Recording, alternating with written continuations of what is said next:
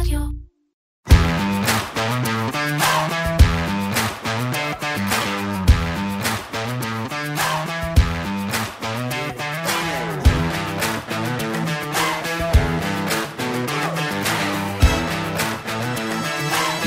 שנתיים למלחמה באוקראינה, קצת מספרים.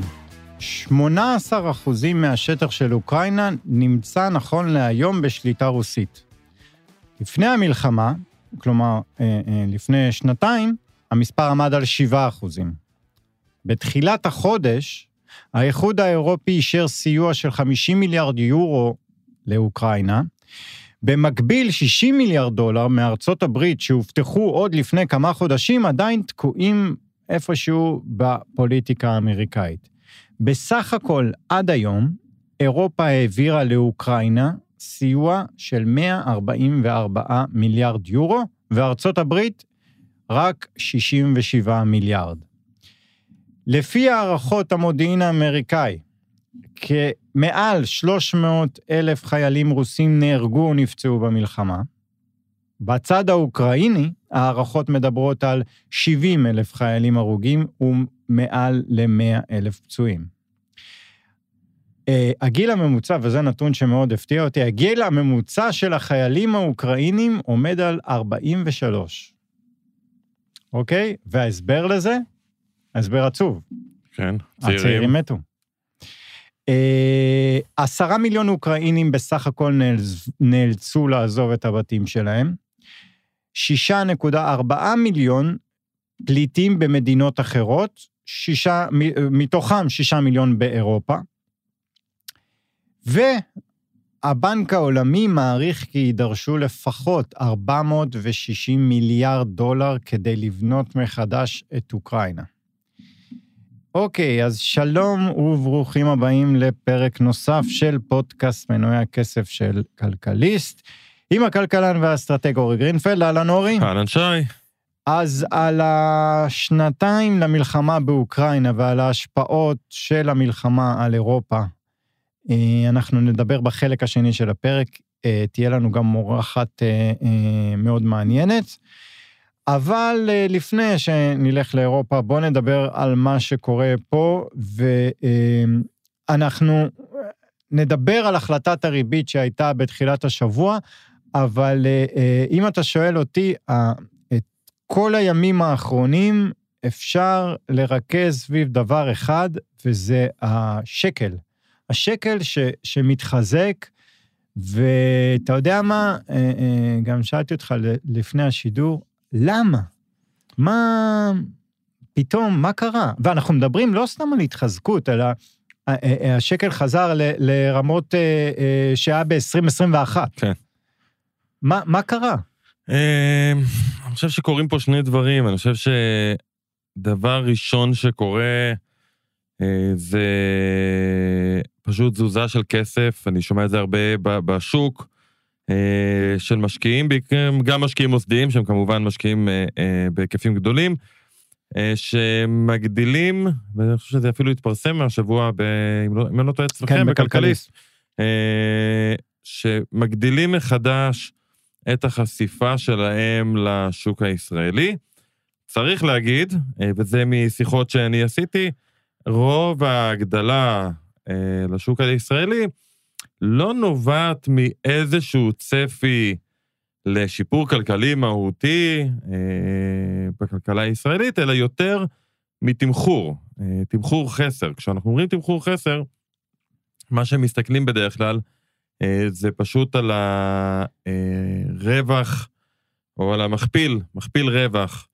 אה, שמכפיל רווח זה המחיר של ה... במקרה שאנחנו מדברים על שוק, אז מחיר של תל אביב 125 למשל, ביחס לרווחים של החברות בתוך התל אביב 125.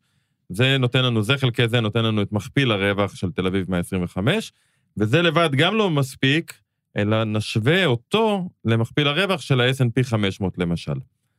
עכשיו, בדרך, תמיד המכפיל רווח של ישראל יהיה יותר נמוך, כי החברות בישראל הן חברות שצומחות יותר לאט. אני אזכיר שבארצות הברית, ב-S&P 500, יש לנו חלק מאוד גדול מהמדד, שהוא בכלל חברות טכנולוגיה, שאמור להיות להם מכפיל גבוה. דיברנו על המכפיל גם עם אה, שחר כרמי לפני שבועיים או שבוע, אני כבר לא שבוע, זוכר. כן. לפני שבוע. זה בעצם מראה לנו כמה מהר אתה מצפה לקבל את ההשקעה שלך חזרה. חברות טכנולוגיה שצומחות מהר, בדרך כלל גם יניבו את ההשקעה אה, יותר מהר, ולכן אתה מוכן לקנות אותם במכפיל יותר גבוה. נשים רגע את כל הצד הטכני בצד. היום, המכפיל של תל אביב 125, ביחס למכפיל של ה-S&P 500, נמוך מאוד, נמוך ברמה היסטורית, וזה נובע משני, משני הצדדים.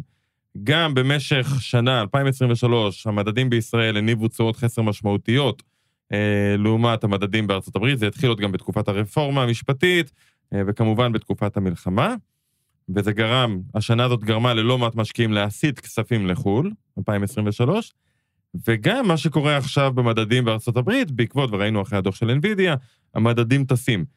וככל שהמדד בארצות הברית עולה יותר מהר מהמדד פה, בעצם המחיר היחסי של ישראל הופך להיות עוד יותר מעניין, ומתחילים לראות באמת תזוזה של כסף חזרה. אה, ו... רגע, אני חייב להבין, יושבת ועדת השקעות של בית השקעות כלשהו, או, או גוף אה, פיננסי גדול, הם מותר להם להחליט מה שהם רוצים, זאת אומרת, אם הם מחליטים שעכשיו יש אה, תשואת אה, חסר, אוקיי, נעביר את המיליארדים שלנו ללא שום הגבלה אה, להשקעות בישראל? קודם כל, התשובה היא אה, כן, בהינתן אה, קרן ההשתלמות או קופת הגמל או קרן הפנסיה שעליה אנחנו מדברים. זאת אומרת, אם זאת קרן, אני לוקח קופת גמל, קופת גמל במסלול מנייתי, אז ההגדרה של המסלול הוא שהנכסים מושקעים כולם במניות. איפה המניות?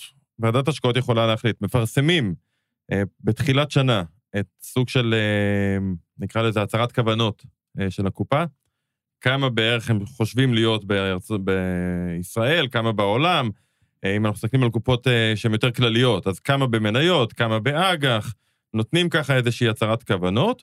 גם להצהרת כוונות הזו יש טווחים, וגם אפשר לשנות. זאת אומרת, אם אני מחליט שמה שחשבתי בתחילת שנה כבר לא רלוונטי, ונכון להערכתי להגדיל מחדש את ההשקעות בישראל בצורה משמעותית, שולחים דיבור לעמיתים, שהצהרת כוונות השתנתה, ובעצם אתה מקבל את זה במייל, זה מפורסם באתר, ואז בעצם מגדילים. כן, יש, במק... במובן הזה יש יד חופשית. כל עוד אתה במסלול שמוגדר לך מראש, אתה לא יכול כן. במסלול מנייתי לקנות את כל הכסף אה, אה, באג"חים, או להפך, אם זה מסלול אג"ח, אתה לא יכול לקנות מניות. אבל בקופות כלליות, למשל, בגדול אתה יכול לעשות מה שאתה רוצה. אמ, והחזרה הזאת לישראל, כמובן, אה, מגדילה, אה, מחזקת את השקל. עוד משהו שצריך לזכור, לזכור שקורה, זה שכשהשווקים בחו"ל עולים מהר, ה-S&P 500 עולה מהר, בעצם גם אם לא החזרתי כסף לישראל, אז יש לי עכשיו בתיק בגלל שהחלק של ה-S&P עלה יותר מהר מהחלק של תל אביב 125, החשיפה הדולרית שלי בתיק בעצם גדלה. אם אני החלטתי כוועדת השקעות של אה, גוף מוסדי, החלטתי שהחשיפה הדולרית שלי בתיק צריכה להיות 20 אחוז לצורך העניין, וזה גדל ל-21 אחוז, אם אני לא מחליט לשנות את החשיפה הדולרית, מה שאני צריך בעצם לעשות זה להקטין את הדולרים, למכור דולרים. שזה בעצם כמו לחזק את השקל. אז עושים את זה בחוזים, ולא בדיוק מוכרים דולרים, אבל בסוף זה אותו דבר, והשפעה על שער חליפין אותו דבר. אז קורים בעצם שני דברים, גם המדדים בחו"ל עולים, זה לבד, ואנחנו מכירים את הקורלציה הזאת, שהייתה מאוד חזקה עד הימים של הרפורמה הממשלתית, עד מרץ אה, שנה שעברה, מרץ, אפריל, מאי, ראינו את הקורלציה הזו נשברת. הקורלציה הזאת חזרה להיות חזקה, גם בגלל שלפי לא מעט הערכות, הסיפור הזה של הרפורמה המשפטית לא על השולחן כרגע. כן. ואם אלו הערכות, אז הקורלציה חוזרת להיות כפי שהיא, ואז ברגע שה-S&P 500 עולה כל כך מהר, יותר מהר מהשווקים המקומיים, אז בעצם אנחנו אה, רואים את השקל מתחזק. זה דבר אחד. דבר שני שקורה זה בגלל תמחור היחסים, מתחילים להגדיל השקעות בישראל, ואז בעצם הפער בין ארה"ב לישראל גדל עוד יותר מהר, וזה עוד יותר מחזק את, ה, את השקל. אה, תראה... חוזרים, עוד פעם אני אומר, חשוב להגיד את זה, חוזרים יותר בגלל עניין התמחור. זאת אומרת, באים ואומרים, אנחנו שומעים את זה הרבה גם ראיתי את זה גם בתקשורת בשבועיים האחרונים מכמה מנהלי השקעות ראשיים. ישראל, השוק פה מגלם בעצם במחיר שלו לא מעט סיכונים. עכשיו, יכול להיות שחלק יתממשו, יכול להיות שחלק לא יתממשו, אבל הוא כבר מגלם לא מעט סיכונים. אם למשל לא תהיה מלחמה בצפון, וכנראה שרוב ההערכות היום הם שאנחנו לא נגיע למלחמה בעצימות גבוהה בצפון, אז השוק מגלם את הסיכון הזה בהסתברות מסוימת. אם אני מניח שזה לא יקרה, אז השוק מעניין במובן הזה, הוא לא מעניין במובן של, אני רואה פה צמיחה מהירה בשנים הבאות, או חברות טכנולוגיה שהולכות לצמוח ולהנפיק את עצמן פה בבורסה, אלא פשוט המחיר שלו זול מדי ביחס למציאות. כפי כן. שאני רואה אותה כמשקיע. כן, תשמע, אני הייתי בטוח שהתשובה תהיה, טוב, מה אתה רוצה? לא הורידו ריבית, אז השקל מתחזק. אז זה, זה בדיוק המקום אה, שהרבה פחות משפיע ממה שנדמה לאנשים. אה, ואתה יודע, כל מי שלמד כלכלה, למד שפערי ריביות זה הדבר שהכי משפיע על שערי חליפין. הרי אם הריבית בארצות הברית, אה, מס- נגיד גבוהה יותר מהריבית בישראל לצורך העניין, אה, או אם אה, אותה ריבית, אבל ציפיתי שפה הריבית תרד ובסוף היא לא ירדה, אז אני יכול לקחת את הכסף שלי, להשקיע אותו באגרות חוב של ממשלת ארה"ב במקום באגרות חוב של ישראל, כי הריבית שם היא יותר גבוהה, אה, ואז בעצם אני לוקח את השקלים שלי, קונה דולרים, קונה בהם אגרות חוב ממשלתיות אמריקאיות, ומחזק את הדולר. זאת אומרת, הפער ריביות משפיע על שערי החליפין. כן, העניין הוא שזה זה נכון, כמו שאומרים בכלכלה, בהינתן שכל השאר קבוע, וכל השאר לא קבוע אף פעם, והמשקל של פערי הריביות בתוך כלל הדברים שמשפיעים על שער חליפין הוא יחסית נמוך, ואחת הסיבות לזה היא ששאלת על גופים מוסדיים, בגדול, השאלה של בתיק אג"ח, או, או בקרן אג"חית, או במסלול אג"חי, או בקופה כללית, שכמובן מוחזקים באג"ח, בתיק של האג"ח, רוב השאלה, רוב ההתנהלות היא באיזה מח"מ להיות, זאת אומרת, אגרות חוב ארוכות טווח או אגרות חוב קצרות טווח, אגרות חוב צמודות למדד או לא צמודות למדד, אגרות חוב ממשלתיות או אגרות חוב קונצרניות של חברות, והרבה פחות אגרות חוב אמריקאיות או ישראליות. כי זה זה- שינוי דרמטי מדי. כי אתה יכול ללכת ולקחת אגרת חוב אמריקאית לעשר שנים, והיו תקופות שעשו את זה, בשביל עוד חצי אחוז תשואה, אבל פתאום קורה משהו אחר, בהינתן- בכל השאר שלא קבוע, והשקל מתחזק, ואיבדת בעצם לא רק את החצי כן, אחוז, איבדת שלושה אחוזים, קיבלת שלושה אחוזים פחות. בגלל שאנחנו נמדדים בסוף בשקלים, אנחנו מודדים את מנהלי החיסכון שלנו, כמה תשואה הם הביאו לנו בשקלים. לא מעניין אותי, הבאת בדולרים חמישה אחוזים, אבל הדולר נחלש בשבעה אחוזים, אז הפסדת לי שני אחוזים. כן, ולכן זה לא באמת מוצר תחליפי. עכשיו, הגיד- היית יכול להגיד, בוא נקנה אג"ח של ממשלת הברית ונגדר את הדולר, של, שהשינוי בשער החליפין לא ישפיע עליי. העניין הוא שגידור הדולר עולה יותר מפערי הריביות. כן. אה, ולכן נוצר מצב שזה לא באמת מוצר תחליפי. מחזיקים בתיקים אגרות חוב דולריות, אבל מנהלים את זה כחלק מההחזקה המט"חית, ולא כתחליף לאגרות חוב ישראליות. אוקיי, ו... איך ההחלטה עצמה, איך אתה מסביר את ההחלטה עצמה? כי אני מזכיר לך שלפני ההחלטת ריבית אה, היה בערך 50-50. אם הוא יוריד ברבע אחוז, או ישאיר, ובסוף הוא השאיר, ו... נכון. ההחלטה אין עצמה... דרמה גדולה. אה, הוא, הוא, זה. לא שהוא שינה אסטרטגיה או משהו, תלוי כמה אתה מחפש דרמות, אתה יודע. אה, וואי, יש כל כך הרבה דרמות שהדרמה, זה- זה אתה דבר יודע. שאנחנו צריכים לחפש. כן, בגדול, זו החלטה שכמו שאמרת, לפני היא הייתה 50-50, תוך כדי היא הייתה 50-50. זאת אומרת, אם מקשיבים לנאום של אה, אה, הנגיד, או קוראים את ההודעה, או רואים את מסיבת העיתונאים שלה אחר כך, בגדול, גם, גם האמירות של בנק ישראל היו 50-50. הוא ציין את הגורמים שמצדיקים הפחתת ריבית, הוא ציין את הגורמים שלא מצדיקים הפחתת ריבית, ובסוף הוא אומר, כרגע החלטנו שלא.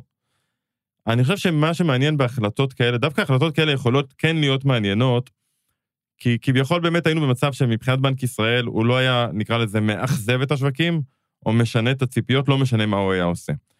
ואלה החלטות שכשאתה מסתכל עליהן וקורא אותן ומקשיב להן, אתה יכול מהן קצת לקבל יותר מושג על מה עובר לוועדה המוניטרית בראש כרגע. זאת אם כולם מצפים שהריבית תרד והיא יורדת, אז אוקיי, לא עשינו שום דבר. אם כולם מצפים שהיא תרד והיא לא יורדת, אז יש פה הפתעה גדולה. אתה יותר מתעסק בהפתעה ובגורמים מאשר בניואנסים של מה עובר בראש. כן. ובהחלטה הזו, אה, אני חושב שאפשר היה לראות שבוועדה המוניטרית פשוט מתחילים לחשוש. מתחילים לחשוש, כאילו נפל להם האסימון שהמלחמה מייצרת סיכונים אינפלציוניים.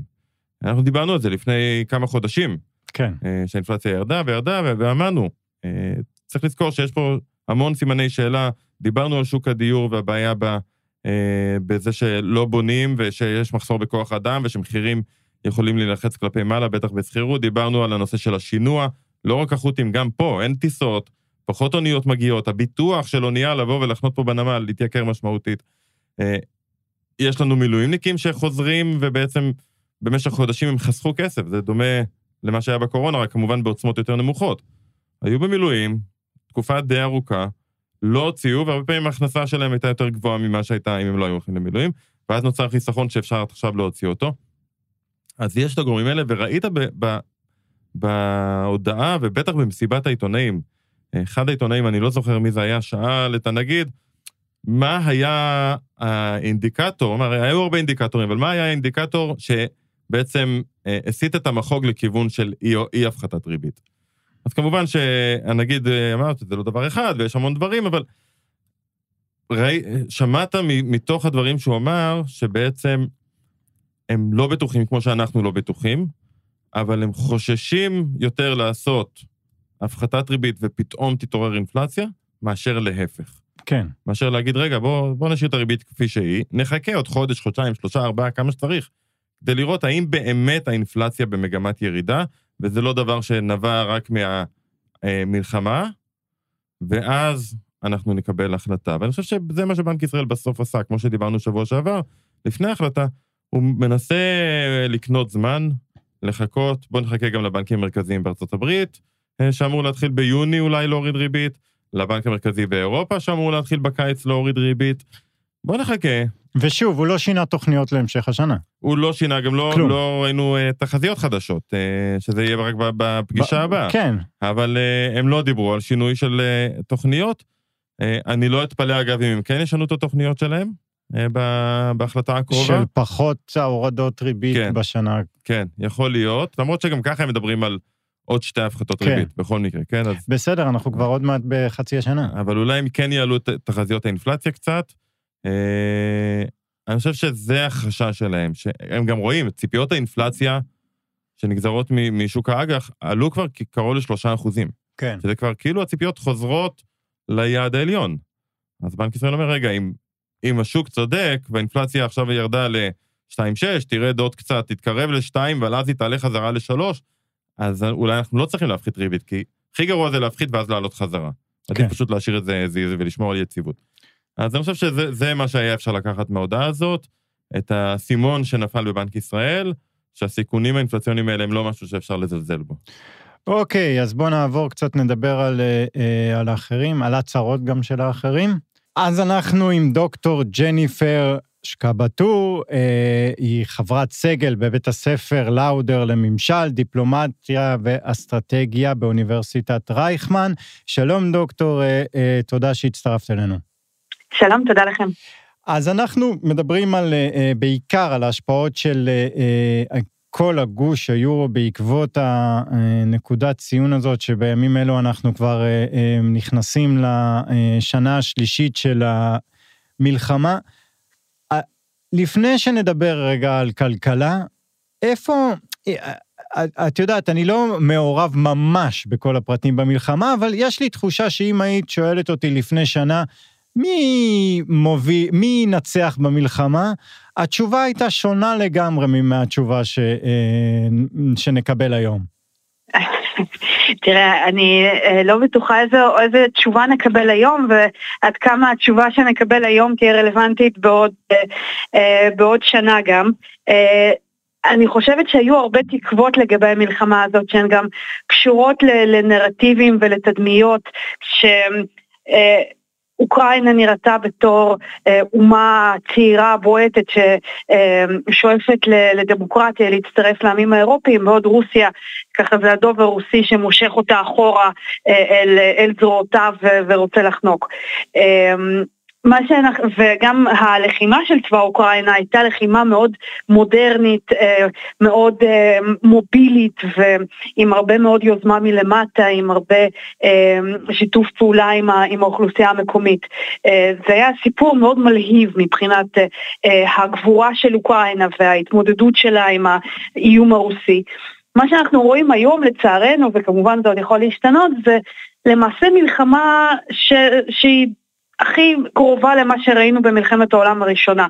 מלחמה מאוד טקטית, ארטילרית, אף צד לא באמת יכול לעשות איזושהי תנועה קדימה או אחורה או להעביר כוחות, בגלל ההשפעה של כטב"מים, כשלמעשה שני הצדדים רואים בדיוק מה קורה בצד השני. והמלחמה מצד אחד על כל על כל מטר ועל כל אה, כפר, אפילו ניצחון של כפר זה ההישג הגדול של, אה, ניצחון של עיר קטנה, אבדייבקה, זה ההישג הגדול של הצבא הרוסי בחודשים האחרונים. אבל זה לא באמת הישג כי זה לאו דווקא מקדם אותם לאיזושהי מטרה צבאית ברורה, חוץ מאשר אה, להתיש. זה הפך למלחמת התשה פר אקסלנס, כשרוסיה מקווה ש...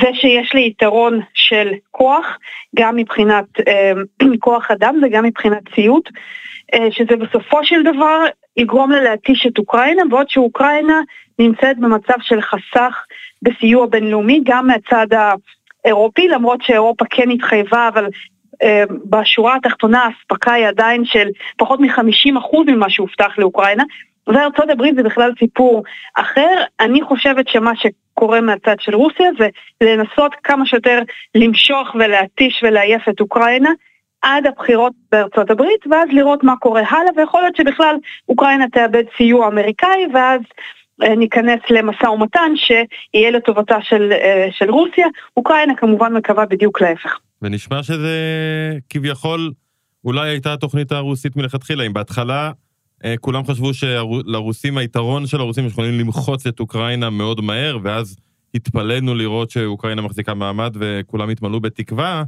אה, אז יכול להיות שזו הייתה התוכנית? פשוט מלחמת התשה. אני חושבת שזו הייתה תוכנית, אולי מלכתחילה התוכנית הייתה כאמור, כשאמרת, אה, לכבוש את אוקראינה אולי אפילו בלי מלחמה, אולי אה, פשוט מתוך אה, שוק שאוקראינה תיכנס אליו ותפתח את דלתותיה בפני רוסיה. כשהסתבר שזה לא נכון, אני חושבת שבהחלט מה שתמיד נאמר על פוטין ופוטין העיד על עצמו זה ש... משאב אחד שיש לו ואין כמעט לאף אחד ממנהיג, מהמנהיגים המערבים זה משאב הזמן. הם מתחלפים, אצלם יש דעת קהל, יש כל מיני אינטרסים, יש בחירות, הוא נשאר. אז מבחינתו, כמה שנכון לעכשיו זה יימשך יותר זמן, ככה היתרון לצידו. מעניין. בואי נדבר קצת על כסף. אה, יש, אה, כפי שציינת קודם, אה, אוקראינה ממש לא קרובה לקבל את כל הסיוע שהובטח לה. ויש, בימים האחרונים אפשר לקרוא כל מיני רעיונות חדשים, כמו למשל שאוקראינה תקבל את הכסף המוכרע מרוסיה. כן, זה רעיון שאגב הוא עלה עוד בימים הראשונים של המלחמה, סוג של צדק פואטי. Uh, עכשיו הצדק הוא במיוחד פואטי כי אותו כסף, ש... אותו כסף רוסי שהוקפא בבנקים האירופאים, זה הרי לא הכסף של הרוסי הממוצע שנשלח לשדה הקרב, זה הכסף של האוליגרכים שניסו להחביא אותו באירופה ולהבריח מרוסיה. אז זה גם סוג של צדק כלפי העם הרוסי וכמובן גם קצת להחזיר לאוקראינה. הקושי בגישה המאוד יפה הזאת זה היישום שלה. בסופו של דבר מה שמדינות אירופה מתגאות בו ובצדק זה שהן אה, מגנות על, אה, על הזכויות, על זכויות הקניין של, אה, של מי שמשקיע בהן. זה מאוד קשה מבחינה משפטית להלאים בצורה כזאת נכסים, זה מאוד מאוד קשה וחסר תקדים אפילו להעביר נכסים מהסוג הזה לטובת מדינה כלשהי, זה דורש אקרובטיקה משפטית שקשה מאוד לראות אותה מתרחשת, אבל מה שעוד יותר זה שהנכסים האלה כמעט אף פעם לא באמת רשומים על שמו של אותו אוליגרך אה, שנמצא במעגל הקרוב לפוטין. לרוב הנכסים מוחבאים בכל מיני חברות אוף שור, מאוד קשה להגיע אליהם. עצם הגילוי של הנכסים אה, זה לא קל, ואנחנו יודעים שגם חלק הארי, וכמובן אין פה אה, שום עובדות אה, ברורות ו- ומספרים חד משמעיים, אבל ידוע שהחלק הגדול של אותם נכסים, אנחנו אפילו לא מודעים לזה שהם שייכים אה, לא- לאותם אוליגרכים אה, רוסים, וזו אה, גם אחת הסיבות שהסנקציות כל כך קשות ליישום כלפי רוסיה, כי יש המון חברות קש והמון מתווכים שעומדים בין הסנקציות ובין הניסיונות האירופיים להלאים כספים או לא להעביר כספים לרוסיה, לבין, אה, לבין אותן עסקאות שכן בסופו של דבר מגיעות, כי הסנקציות מלאות בחורים ומאוד מאוד רחוקות מלהיות הרמטיות. אז מה שבעצם הרוסים היו עושים אה, בלי למצמץ בכלל, למערב קשה. אה, מה לגבי כסף שהוא לא כסף, נקרא לזה פרטי, אלא כסף אה, רוסי, ממשלתי, בנק מרכזי, אה, קשרים בין הבנקים המרכזיים שבטח היו לפני המלחמה. יש משהו שהם יכולים לעשות בהיבט הזה? אה, בהיבט הזה עשו עוד מתחילת המלחמה, באמת ניסו לנתק את רוסיה כמה שיותר מהמערכות הפיננסיות הבינלאומיות וגם לנתק קשרים עם הבנקים המרכזיים, להטיל סנקציות ספציפית על בנקים וגם על בנקים שנמצאים בבעלות של, אה, של המקורבים לשלטון. אה, זה עבד ברמת הניתוק מאירופה, אבל מה שבסופו של דבר זה גרם, זה להוסיף עוד איזושהי שרשרת לעסקאות הפיננסיות. כלומר, העסקאות הן לא בין רוסיה לגורם אירופי כזה או אחר, אלא בין רוסיה לגורם בהודו או בסין או בדובאי, לבין גורם אירופאי כזה או אחר. ואז אנחנו מוסיפים עסקאות, עלויות העסקה יותר גבוהות, אנחנו מוסיפים אה, לתסבוכת של העסקה, אבל העסקה בסופו של דבר מתרחשת.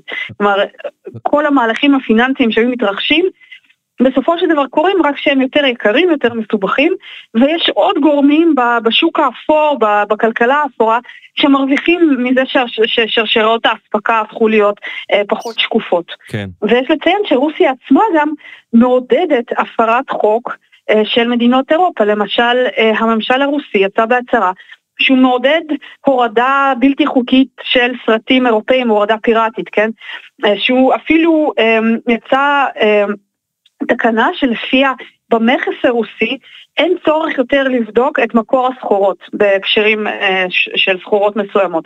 כלומר, מבחינתם, אם, אם מישהו רוצה להבריח מאירופה, זה בסדר, לא, לא יעשו לו יותר מדי בעיות. אז יש גם מהצד אה, של, של הממשל הרוסי צעדים שנועדו למעשה עוד יותר אה, ככה לנענע את הספינה הזאת ולהקשות על האירופאים. אה, כן. להטיל סנקציות או הגבלות כאלה או אחרות. אז, אז בסוף, גם כשאנחנו מסתכלים על שוק האנרגיה, הסנקציות, בסוף מה שהם גרמו, אה, זה חיזוק הקשרים של אה, רוסיה עם אה, סין, עם הודו, במידה מסוימת עם איראן, וחיזוק של מה שאוהבים לקרוא פה בישראל ציר הרשע. מה שאני שומע, ואני אשמח אם את יכולה להרחיב על זה, זה על ניסיונות, או רצון לפחות, לפעול בסנקציות על אירופאים שישתפו פעולה עם הדבר הזה. יש אפשרות כזו? אה, בזמנו דיברו על uh, סנקציות על חברות ספנות שיאפשר, אה, כאילו, ישנעו את, הנפט הרוסי, אפילו לסין. אפשר לעשות דברים כאלו? תראה, זה, אה, ככל שעובר הזמן זה הופך לאיזשהו משחק של חתול ועכבר, וגם משחק של למי יש יותר תמריץ אה, אה, לפעול בהקשרים האלה. אז כן, באמת הופעלו אה, סנקציות וקנסות שהוטלו על חברות ספנות שיובילו נפט רוסי. אה, זה הוביל לזה שלמעשה אה, נוצר זה היה אולי יעיל ברמה מסוימת מול חברות הספנות האירופאיות, אבל זה הוביל לזה שנוצר צי סתרים, צי אפור של ספינות שצצו מכל מיני מקומות בצורה אה, לא חוקית לרוב, שהובילו את אותו נפט. אז מצד אחד זה כן אולי ניקה במרכאות את האירופאים מהמעורבות, אבל זה לא פתר את הבעיה כי הוואקום הזה התמלא בגורמים שהם הרבה פחות שקופים, הרבה פחות ניתנים ל... פיקוח בינלאומי כלשהו, ושהם עדיין הובילו את הנפט. זה יכול להיות שגם מבחינת אה, אה, הפרות איכות הסביבה ותקנות בטיחות וכולי, הם, הם בכלל לא עמדו בזה כי הם מתחת לרדאר. אה, אלו, אלו בהחלט ההשלכות של כל הסנקציות. אז מה שאני אומר, זה יכול להיות שבכלל השיטה הזו שהחלה אה, בתחילת המלחמה עם סנקציות, האם הסנקציות עובדות בכלל? תראה, ושאלה מה, מה זה עובדות, כן? אם אנחנו מסתכלים על המכלול, על זה שהכלכלה הרוסית צומחת לפחות בטווח הקצר, לפחות בסקטורים מסוימים, וזה שכן נמצאה דרך לעקוף את הסנקציות, זה נראה שזה לא כלי יעיל. זה לא כלי יעיל כל עוד הוא לא הרמטי ויש בו כל כך הרבה חורים. אה, וכנראה שהגישה הזאת שהם נתלו בה המון תקוות, ורוסיה באמת היא שיאנית הסנקציות, הוטלו עליה קרוב ל-15 אלף סנקציות שונות בהקשרים שונים, בתחומים שונים, אה, וכנראה שזה לא יעיל, לא כפי שחשבו, ואולי אפילו לא בכלל. זאת אומרת שהברז של הכסף שנכנס לפוטין למוסקבה ממשיך כ, אה, כרגיל, והוא. לא מתלונן על... אה, ויותר מזה, הקשרים בין סין לרוסיה מתחזקים, ואנחנו מבינים את ההשלכות של זה ברמה הגיאופוליטית העולמית. כן. אה, נכון, תראו, גם אפשר להסתכל אולי על הטווח הארוך ולומר שכל הדברים האלה עובדים לפוטין כרגע, אולי זה לא יהיה יעיל באותה צורה להבא, אבל גם יש לזכור עוד ביטוי של פוטין עצמו, שאמר, אה, ובזמנו כשהוא אמר את זה זה נשמע ביטוי מבזה, והיום אנחנו מבינים שאולי יש בו הרבה כוח, שרוסיה היא אה, תחנת הדלק של העולם שיש לה אטום. כל עוד יש לה משאבים בסדר גודל כזה, וזה לא רק הנפט והגז, זה גם המתכות, וזה גם הדשנים והתוצרת החקלאית ועוד ועוד, כל עוד יש את כל זה לרוסיה, מאוד מאוד קשה למישהו להחליף את זה, בוודאי כשמדובר בעלויות גבוהות, בוודאי כשמדובר בפרס כדוגמת עוד כמה חודשים של לחימה באוקראינה, עוד קצת ציוד לאוקראינה. יש לציין גם בהקשרים האלה, למשל החקלאות, כשאוקראינה הייתה יצוא, היצואנית הבולטת, אחת המובילות של, אה, תוצר, של חיטה לאירופה, אה, רוב הייצוא של החיטה האוקראיני אה, נסגר בגלל, בגלל המצור על הים, על הים השחור, הם עדיין מובילים אבל הרבה פחות. ומי החליפה את אוקראינה בתפקיד הזה? רוסיה. למה? כי זה זול, ואגב הסנקציות לא נגעו בחקלאות כי לאירופה לא היה פשוט להחליף את רוסיה אה, במשהו אחר. כי אי אפשר להגיד לא, אנחנו לא ניקח חיטה, ו... כי אתה עדיין צריכה חיטה, זה הבעיה. היא עדיין צריכה חיטה וגם מאוד קשה למצוא תחליפים. וגם העלויות של התחליפים האלה מאוד גבוהים, והשאלה עד כמה הצרכן האירופאי באמת מוכן לשלם את העלויות האלה, אה, לא בטוח, לא בטוח שאותו צרכן רוצה אה, לתת כל כך הרבה למען אוקראינה, ומה שעוד יותר אני חושבת הופך את זה למורכב, זה שגם הניצחון של אוקראינה לא ברור עד כמה, מה זה אותו ניצחון, כן, אבל גם תבוסה רוסית, אה, אפשר לומר שרוסיה היא too big to fail. אם רוסיה מובסת, מה המשמעויות? אה, האטום שלה נופל לקבוצות פשע, היא מתפרקת לאמירויות קטנות, לנסיכויות קטנות, מה, מה יהיה שם במקום הזה. אז גם mm. תבוסה רוסית זה דבר שהוא מאוד מאוד מורכב ולא חד משמעי. ואני חושבת שזה גם מתווסף לכל השיקולים הכלכליים ש, שדיברנו עליהם. אני חושב שתבוסה רוסית זה משהו שהבנו במלחמות אחרות, שכנראה מאוד מאוד קשה, קשה להכריז עליו. אני אה, חושבת שמה שבאמת מהצד האירופאי, האינטרס האירופאי יהיה להוביל לסיומו של הסכסוך הזה בצורה הכי מכובדת שאפשר מכל הכיוונים, נכון עכשיו הם לא רואים את זה קורה, אבל בסוף הם לא רוצים תבוסה אוקר... רוסית, כמובן שגם לא תבוסה אוקראינית, כנראה היו רוצים שיפגשו איפשהו באמצע. ושהיחסים הכלכליים יימשכו כמה שיותר, אולי בלי אה, ללחוץ את היד לפוטין, אבל כן, כן. ליהנות אה, מיחסי מסחר כאלה ואחרים, כעניין של ריאל פוליטיק, כן, לא כמשהו שהם אה, מעריכים או, או רוצים לשאוף אליו. כן, אני חייב לשאול אותך שאלה לסיום על הקשר שלנו פה. והתשומת לב העולמית מתחילת המלחמה בעזה ללא ספק ירדה קצת מאוקראינה. זה משהו גם שמאוד משפיע עליהם, אין ספק, נכון? חד משמעית, חד משמעית, ובהחלט, אם יש איזשהו אינטרס מובהק לרוסיה בהקשר הזה, זה, זה המלחמה כאן. ככל שיש כאן יותר מלחמה, זה גם עניין של תשומת לב ברמה הציבורית, ברמת העיתונות, ברמת ה, בכלל אה, השיח הציבורי, וגם כמובן ברמה הכלכלית. אם הסיוע האמריקאי קודם הלך כולו או כמעט כולו לאוקראינה, היום הוא מתחלק במקרה הטוב, ואולי אפילו יותר ממנו הולך אלינו. זו אחת הפגיעות המשמעותיות באוקראינה זה שאין להם, כל הזמן אומרים, אין לנו ציוד, אין לנו תחמוש. הם מצפים לתחמושת הזאת, עכשיו זה כמובן לא קשר מיידי וישיר, אבל זה כן ברור שהם לא מקבלים את אותו סיוע שקיבלו קודם מארצות הברית. כמובן לא רק בגלל המלחמה, כן, יש עוד שיקולים, אבל המלחמה אצלנו חד משמעית מש... אמ, משחקת לידיים של רוסיה בהקשרים האלה. אוקיי, אה, שמחנו מאוד לשוחח, ג'ניפר, תודה שהצטרפת אלינו. תודה לכם. אה, להתראות.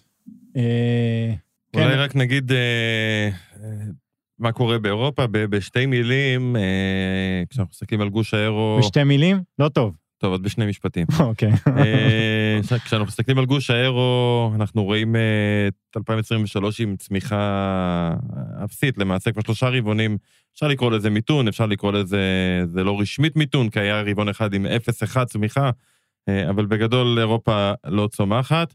אה, אבל כשמסתכלים על המדינות עצמן בתוכו, יורדים לנתונים, רואים עד כמה בעצם זה נובע ממשבר האנרגיה, ולא ממיתון כמו שבדרך כלל מכירים אותו.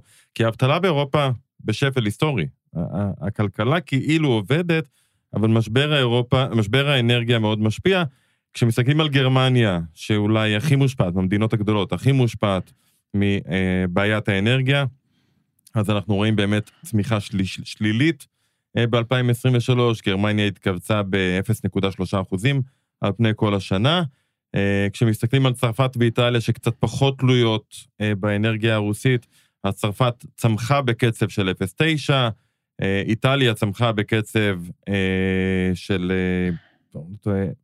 0.6, וספרד שעוד פחות תלויה באנרגיה הרוסית מכל אלו, בכלל צמחה בקצב של 2.5 אחוזים, יותר מישראל. כן. ב-2023, אה, וגם בה האינפלציה ירדה הכי מהר. זאת אומרת, ככל שמדינה הייתה יותר תלויה, יותר סבלה ממשבר האנרגיה, זה יותר פגע לה בכלכלה, זה יותר פגע, לה, פגע בה אינפלציונית. אה, ובסוף כשמסתכלים על כל גוש, כל גוש האירו, זה בעצם ממוצע של כולם. השאלה היא לאן אירופה הולכת, עכשיו בדומה לארצות הברית, מבחינת הכלכלה הפנימית. האם נראה את שיעור האבטלה עולה בגלל הריבית שנשארה גבוהה למשך תקופה, אה, ואז נראה כבר האטה גם בצריכה הפרטית, ומה שאנחנו קוראים בדרך כלל מחזור כלכלי רגיל של מיתון, של עלייה באבטלה. אה, אנחנו עוד לא שם. כל הפגיעה באירופה הייתה בגלל הסיפור אה, של האנרגיה. אוקיי, טוב, אז עד כאן החלק הזה, נלך קצת לאסקפיזם. אני אתחיל השבוע? בבקשה. תראה, הפינה שלי, בחרתי אותה בעקבות כתבה טובה וחשובה שקראתי של אה, אה, ז'ניה וולינסקי מה, מהמרקר. זו כתבה על אפליקציות המסחר החדשות שיש עכשיו, ויש שם איזה נתון, אתה יודע, אה, אה, לאחרונה אה, הצטרפו לשוק הרבה אפליקציות שאתה יכול לרכוש מניות, חלקי מניות. זה עוד לא עובד טוב במניות ישראליות, זה עובד בעיקר במניות אה, מחו"ל. עם כל מיני ברוקרים. זה, זה שוק בחיתולים, אתה יודע, תופעת הרובין הוד הגיעה לישראל. Okay. כן. ויש איזה נתון שקראתי שם, שעדיין, לפי הערכות, 90 אחוז מהסוחרים בקרב הציבור עושים זאת דרך הבנקים, ורק 10 אחוזים עושים דרך בתי השקעות. עכשיו, אה, תשמע, אה, אה, אין לי שום אינטרס עם בתי השקעות. לא אכפת לי לא מהבנקים, מהרווחים שלהם ולא מהבתי השקעות, אוקיי? אבל העמלות כל כך יותר נכון. יקרות בבנקים, אלא אם כן אתה מחובר שם למישהו ונותן לך אפס עמלות, זה לא ייאמן. 90-10 לבנקים? כן. איך זה יכול להיות? כן, אתה יודע, אתה יודע, הייתי אומר שאני מאוד מופתע, אבל אני לא, כי, כי זה... מה, מה זה, הפחד, זה כן, הפחד, כן. זה הפחד, זה החרדה מזה שהבית השקעות יקרוס והכסף שלי לא, ילך? לא, לא, לא, אני לא חושב. אני חושב שזו החרדה מלקבל החלטה בדברים שקשה לנו להבין. ואני חושב שבתחום הפיננסי, אה, לצערי אין בארץ שום אה, רצון לקדם, בטח לא מצד הממשלה, אה, דברים שקשורים לחינוך פיננסי. אה, ואני רואה, אתה יודע, אני רואה את זה על עצמי כשאני מגיע למוסך, זה בדיוק אותו דבר. הוא אומר לי ככה, ככה, ככה, אני לא יודע מה להחליט, קשה לי מאוד מה להחליט, אז אני פשוט ממשיך באותה צורה, כן, תעשה את הטיפול כמו שאתה אומר שתעשה את הטיפול. כן, אבל אנחנו יודעים, לקנות, הג... אנחנו יודעים לקנות את העגבנייה זולה יותר בשקל. אה, אתה רואה אותה בעיניים ואתה, ואתה מבין, אבל בסוף אתה רואה את זה גם, גם בגמל ובפנסיה. בפנסיה זה כבר סיפור אחר, כי יש את המסלולים תלויי גיל, אבל בגמל, בסוף רוב הכסף יושב במסלול כללי. למה? כי רוב האנשים בא להם או הסוכן או חברת ההשקעות. אומרים, תראו, יש מסלול מנייתי, יש מסלול של שילוב של אג"ח ומניות, כולל מדדים בחו"ל, יש כל מיני מסלולים, כל מיני אפשרויות, וקשה, ויש את המסלול הכללי, שהוא כאילו מותאם כזה לכולם. אה, ולפעמים יותר נוח לקבל את ההחלטה הזאת, בוא נניח, כמו כולם, אה, ולא תמיד זו החלטה הנכונה. אה, אבל כן, לצערי, אני חושב שזו הסיבה. אני עדיין חושב שזה פחד מסיכון, ובצדק. כמו שאתה אומר, צריך קצת יותר השכלה פיננסית. אבל זה שתנהל את הכסף שלך בבית השקעות, נו. בחברת מסחר של בית השקעות, גם אם בית השקעות יקרוס, הכסף שלך בטוח. יופי, לא כולם יודעים את זה. אז הם חושבים שאם הכסף בבנק X, שהוא הכי גדול בישראל, אז הכסף יישאר לי, לא משנה השאלה מה. איך יסגרו את המדינה לפני. שלא יהיה לי כסף. איך מבינים את זה? ופה עניין של חינוך פיננסי. נכון. אוקיי, כן. אוקיי, אה, אני, אתה זוכר, סיפרתי לך שהתמכרתי לאיזה אתר של אה, מחקרים מוזרים? אה, אז לפני יומיים יצא מחקר מאוניברסיטת, אני מקווה שאני אגיד את זה טוב, לינקופינג, זה אוניברסיטה בשוודיה, אה, והמחקר הזה בדק על 12,000 חוקרים אקדמאים, איך הם תופסים את רמת המקצועיות שלהם. הוא בעצם שאל כל מיני שאלות, אה, האם אתה חושב שאתה אה, מבצע את המחקר שלך בפרקטיקות אה, טובות יותר מאשר חוקרים אחרים בתחום שלך, מאשר חוקרים בתחומים אחרים וכן הלאה, והתוצאות, יותר, פחות מפתיע מזה אי אפשר. אה, 55 אחוז מעריכים שהם עושים את העבודה שלהם יותר טוב מהחברים שלהם באותו אה, מקצוע. 44 חושבים, סליחה, 51, 55 אחוזים חושבים as good as. אוקיי. שאנחנו אותו אנחנו דבר, לא פחות רמה. טובים מה- מאחרים. 44 חושבים שהם יותר טובים, ורק אחוז אחד אמר שהוא כנראה קצת פחות משקיע מהחברים שלו, ו-63 אחוזים מהמשיבים אמרו שבתחום שלהם פרקטיקות המחקר יותר גבוהות מאשר בתחומים אחרים. אמרו את זה בכל תחום. אהה, אוקיי? אה, והמסקנה של החוקרים היא כזו שבעצם כנראה אה, יש סיכון שבעצם אנשי אקדמיה בטוחים שהם עושים את המחקר בצורה הכי הכי טובה שיש, ויותר טוב מכל הגוף... העמיתים שלהם, ויותר טוב מכל אה, החלקים האחרים באקדמיה, מה שיוביל בסוף לזה שהם עיוורים לטעויות שהם עושים במחקר. אה, כמובן. הצחיק אותי שעשו מחקר על זה. כן, צריך אה. לעשות עוד מחקר על המחקר, אבל... כן. אוקיי, תודה רבה שהאזנתם לנו, נשתמע בשבוע הבא.